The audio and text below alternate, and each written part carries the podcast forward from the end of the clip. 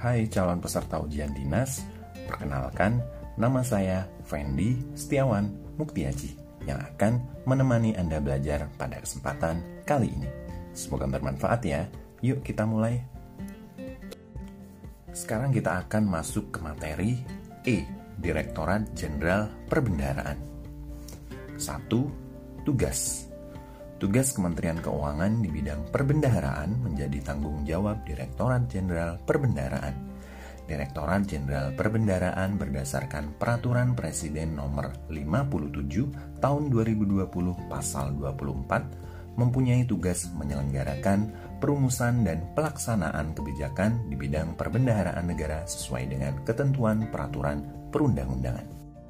2. Fungsi Dalam melaksanakan tugas tersebut, Dirjen Perbendaharaan berdasarkan Peraturan Presiden Nomor 57 Tahun 2020 Pasal 25 menyelenggarakan fungsi sebagai berikut.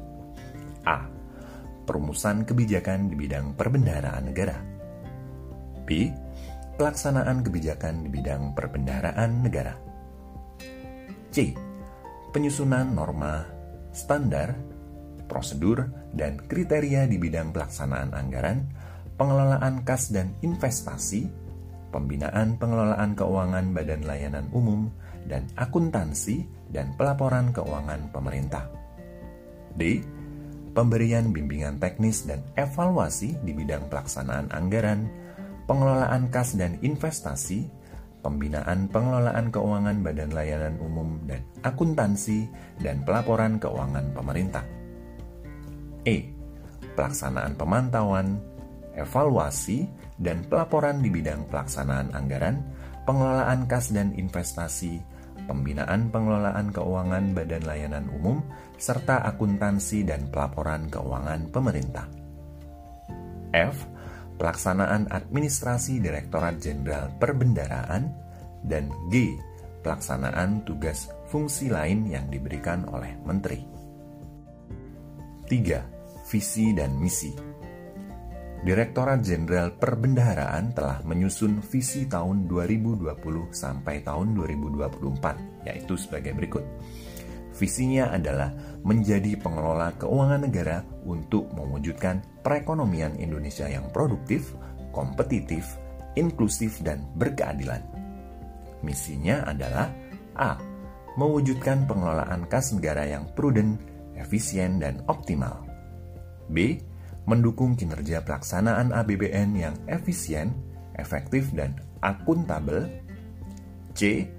Mewujudkan akuntansi dan pelaporan keuangan pemerintah yang akuntabel, transparan, andal, dan tepat waktu. D. Mewujudkan tata kelola investasi pemerintah yang modern, inklusif, dan berkelanjutan. E mewujudkan layanan dan tata kelola keuangan badan layanan umum yang inovatif dan modern. F. Mewujudkan tata kelola sumber daya, proses bisnis, dan sistem teknologi informasi perbendaraan yang modern, efektif, dan adaptif. 4. Struktur organisasi Direktorat Jenderal Perbendaraan terdiri dari A. Sekretariat Direktorat Jenderal B Direktorat Pelaksanaan Anggaran C. Direktorat Pengelolaan Kas Negara D. Direktorat Sistem Manajemen Investasi E. Direktorat Pembinaan Pengelolaan Keuangan Badan Layanan Umum F. Direktorat Akuntansi dan Pelaporan Keuangan G. Direktorat Sistem Perbendaraan dan H. Direktorat Sistem Informasi dan Teknologi Perbendaraan. Selanjutnya, F. Direktorat Jenderal Kekayaan Negara 1. Tugas Direktorat Jenderal Kekayaan Negara berdasarkan Peraturan Presiden Nomor 57 Tahun 2020 Pasal 28 mempunyai tugas menyelenggarakan perumusan dan pelaksanaan kebijakan di bidang kekayaan negara, penilaian, dan lelang sesuai dengan ketentuan peraturan perundang-undangan. 2 fungsi. Dalam melaksanakan tugas tersebut, Direktorat Jenderal Kekayaan Negara berdasarkan Peraturan Presiden Nomor 57 Tahun 2020 Pasal 29 menyelenggarakan fungsi sebagai berikut. A. Perumusan kebijakan di bidang kekayaan negara, penilaian, dan lelang. B.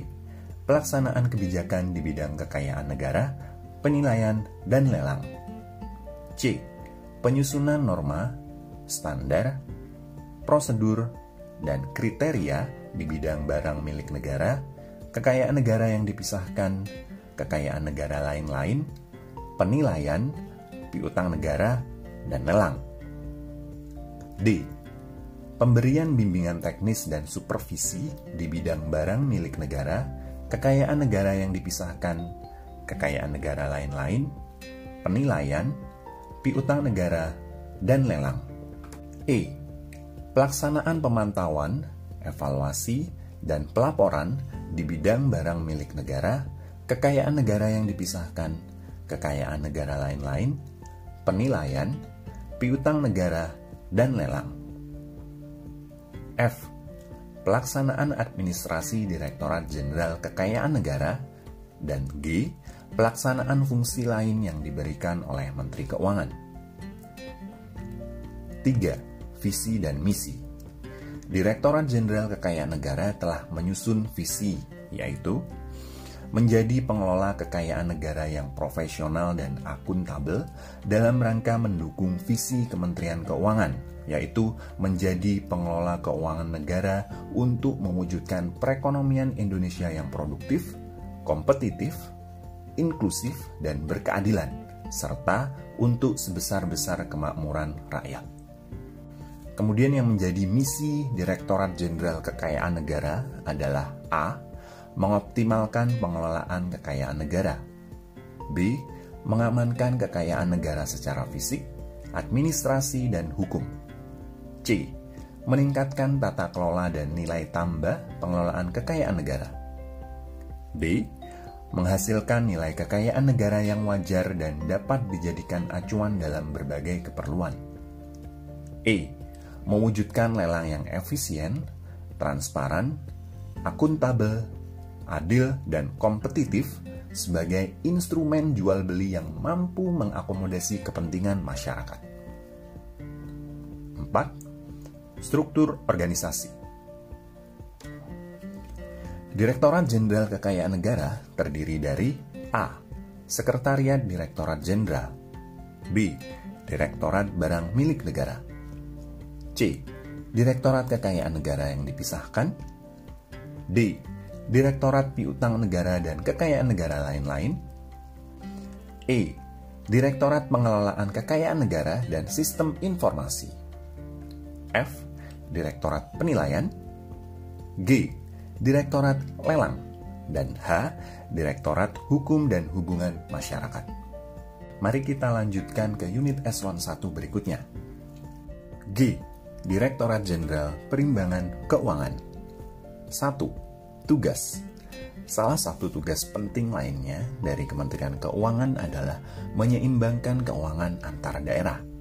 Direktorat Jenderal Perimbangan Keuangan berdasarkan Peraturan Presiden Nomor 57 Tahun 2020 Pasal 32 mempunyai tugas menyelenggarakan perumusan serta pelaksanaan kebijakan di bidang alokasi dan pengelolaan dana perimbangan dan transfer ke daerah lainnya dan pajak daerah dan retribusi daerah sesuai dengan ketentuan peraturan perundang-undangan.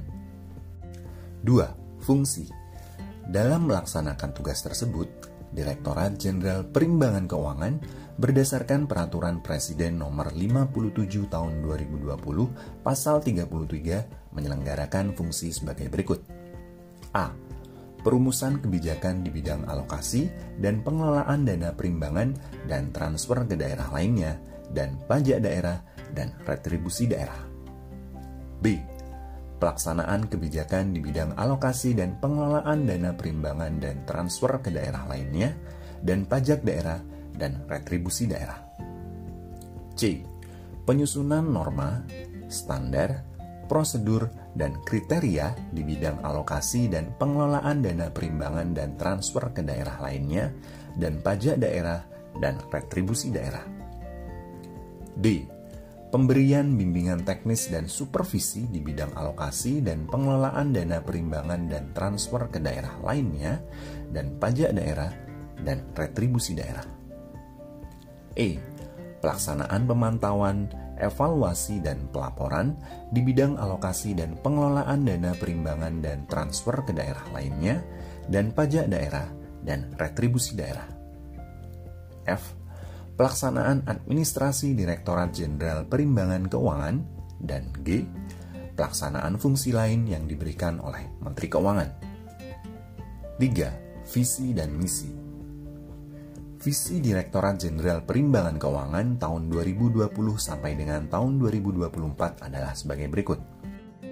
Visi menjadi pengelola hubungan keuangan pusat dan daerah yang adil dan transparan untuk mewujudkan peningkatan dan pemerataan layanan publik serta daya saing daerah untuk mendukung visi Kementerian Keuangan menjadi pengelola keuangan negara yang produktif, kompetitif, inklusif, dan berkeadilan.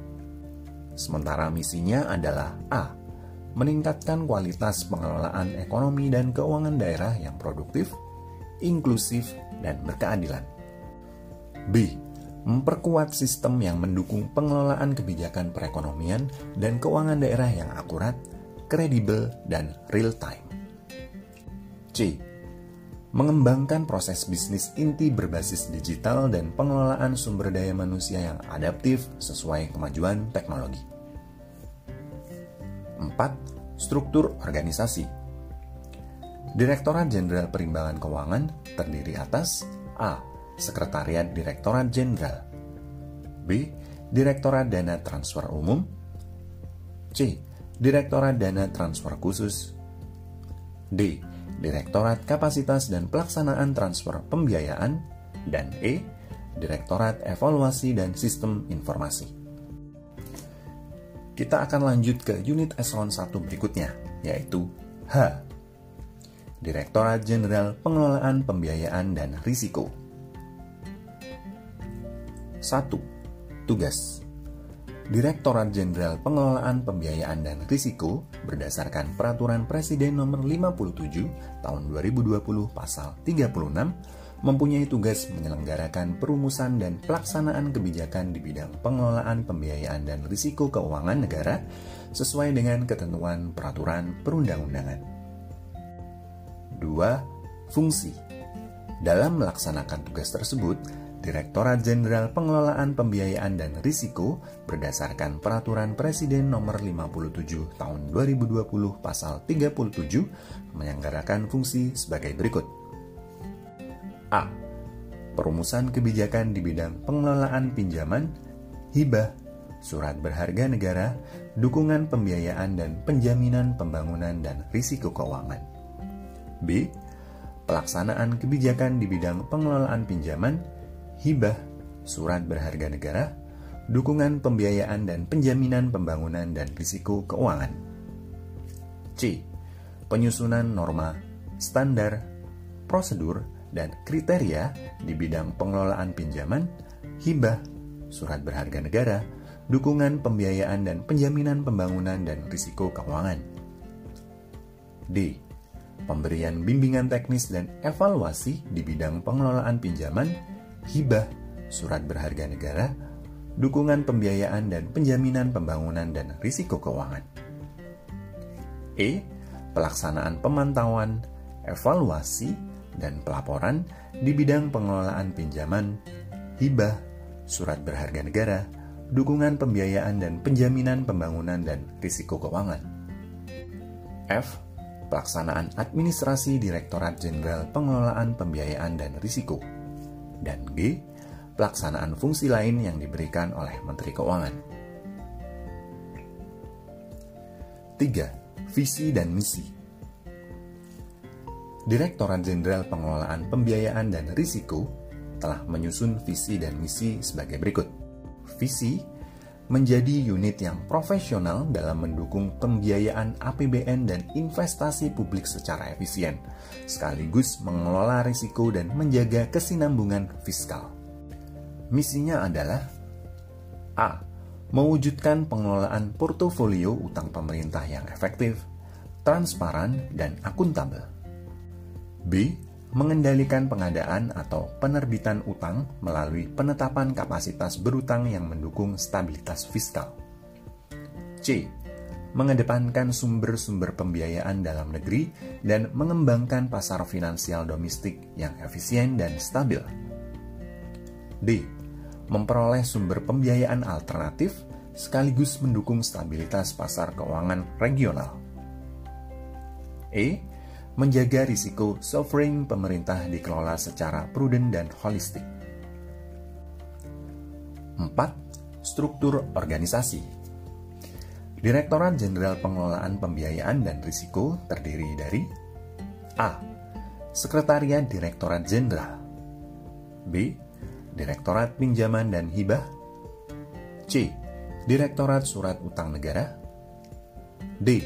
Direktorat Pembiayaan Syariah E. Direktorat Pengelolaan Risiko Keuangan Negara F. Direktorat Pengelolaan Dukungan Pemerintah dan Pembiayaan Infrastruktur G. Direktorat Strategi dan Portofolio Pembiayaan H. Direktorat Evaluasi, Akuntansi, dan Settlement Kita lanjutkan ke unit eselon 1 berikutnya ya. I. Inspektorat Jenderal 1. Tugas Inspektorat Jenderal merupakan fungsi staf yang tugasnya membantu Menteri Keuangan meningkatkan efektivitas dan efisiensi pencapaian tujuannya. Inspektorat Jenderal Kementerian Keuangan berdasarkan Peraturan Presiden Nomor 57 Tahun 2020 Pasal 40 mempunyai tugas menyelenggarakan pengawasan intern atas pelaksanaan tugas di lingkungan Kementerian Keuangan sesuai dengan ketentuan peraturan perundang-undangan. 2. Fungsi Dalam melaksanakan tugas tersebut, Inspektorat Jenderal menyelenggarakan fungsi sebagai berikut. A. Penyusunan kebijakan teknis pengawasan internal atas pelaksanaan tugas di lingkungan Kementerian Keuangan. B. Pelaksanaan pengawasan internal atas pelaksanaan tugas di lingkungan Kementerian Keuangan dan pengawasan terhadap kinerja, serta pengawasan melalui audit, review, evaluasi, pemantauan, dan kegiatan pengawasan lainnya. C. Pelaksanaan pengawasan untuk tujuan tertentu atas penugasan Menteri Keuangan. D. Penyusunan laporan hasil pengawasan di lingkungan Kementerian Keuangan. Dan E. Pelaksanaan administrasi Inspektorat Jenderal. 3. Visi dan misi Inspektorat Jenderal Kementerian Keuangan telah menyusun visi tahun 2020 sampai dengan tahun 2024 yaitu sebagai berikut. Visi menjadi trusted advisor dalam rangka mendukung visi Kementerian Keuangan menjadi pengelola keuangan negara untuk mewujudkan perekonomian Indonesia yang produktif, kompetitif, inklusif, dan berkeadilan. Misinya adalah A.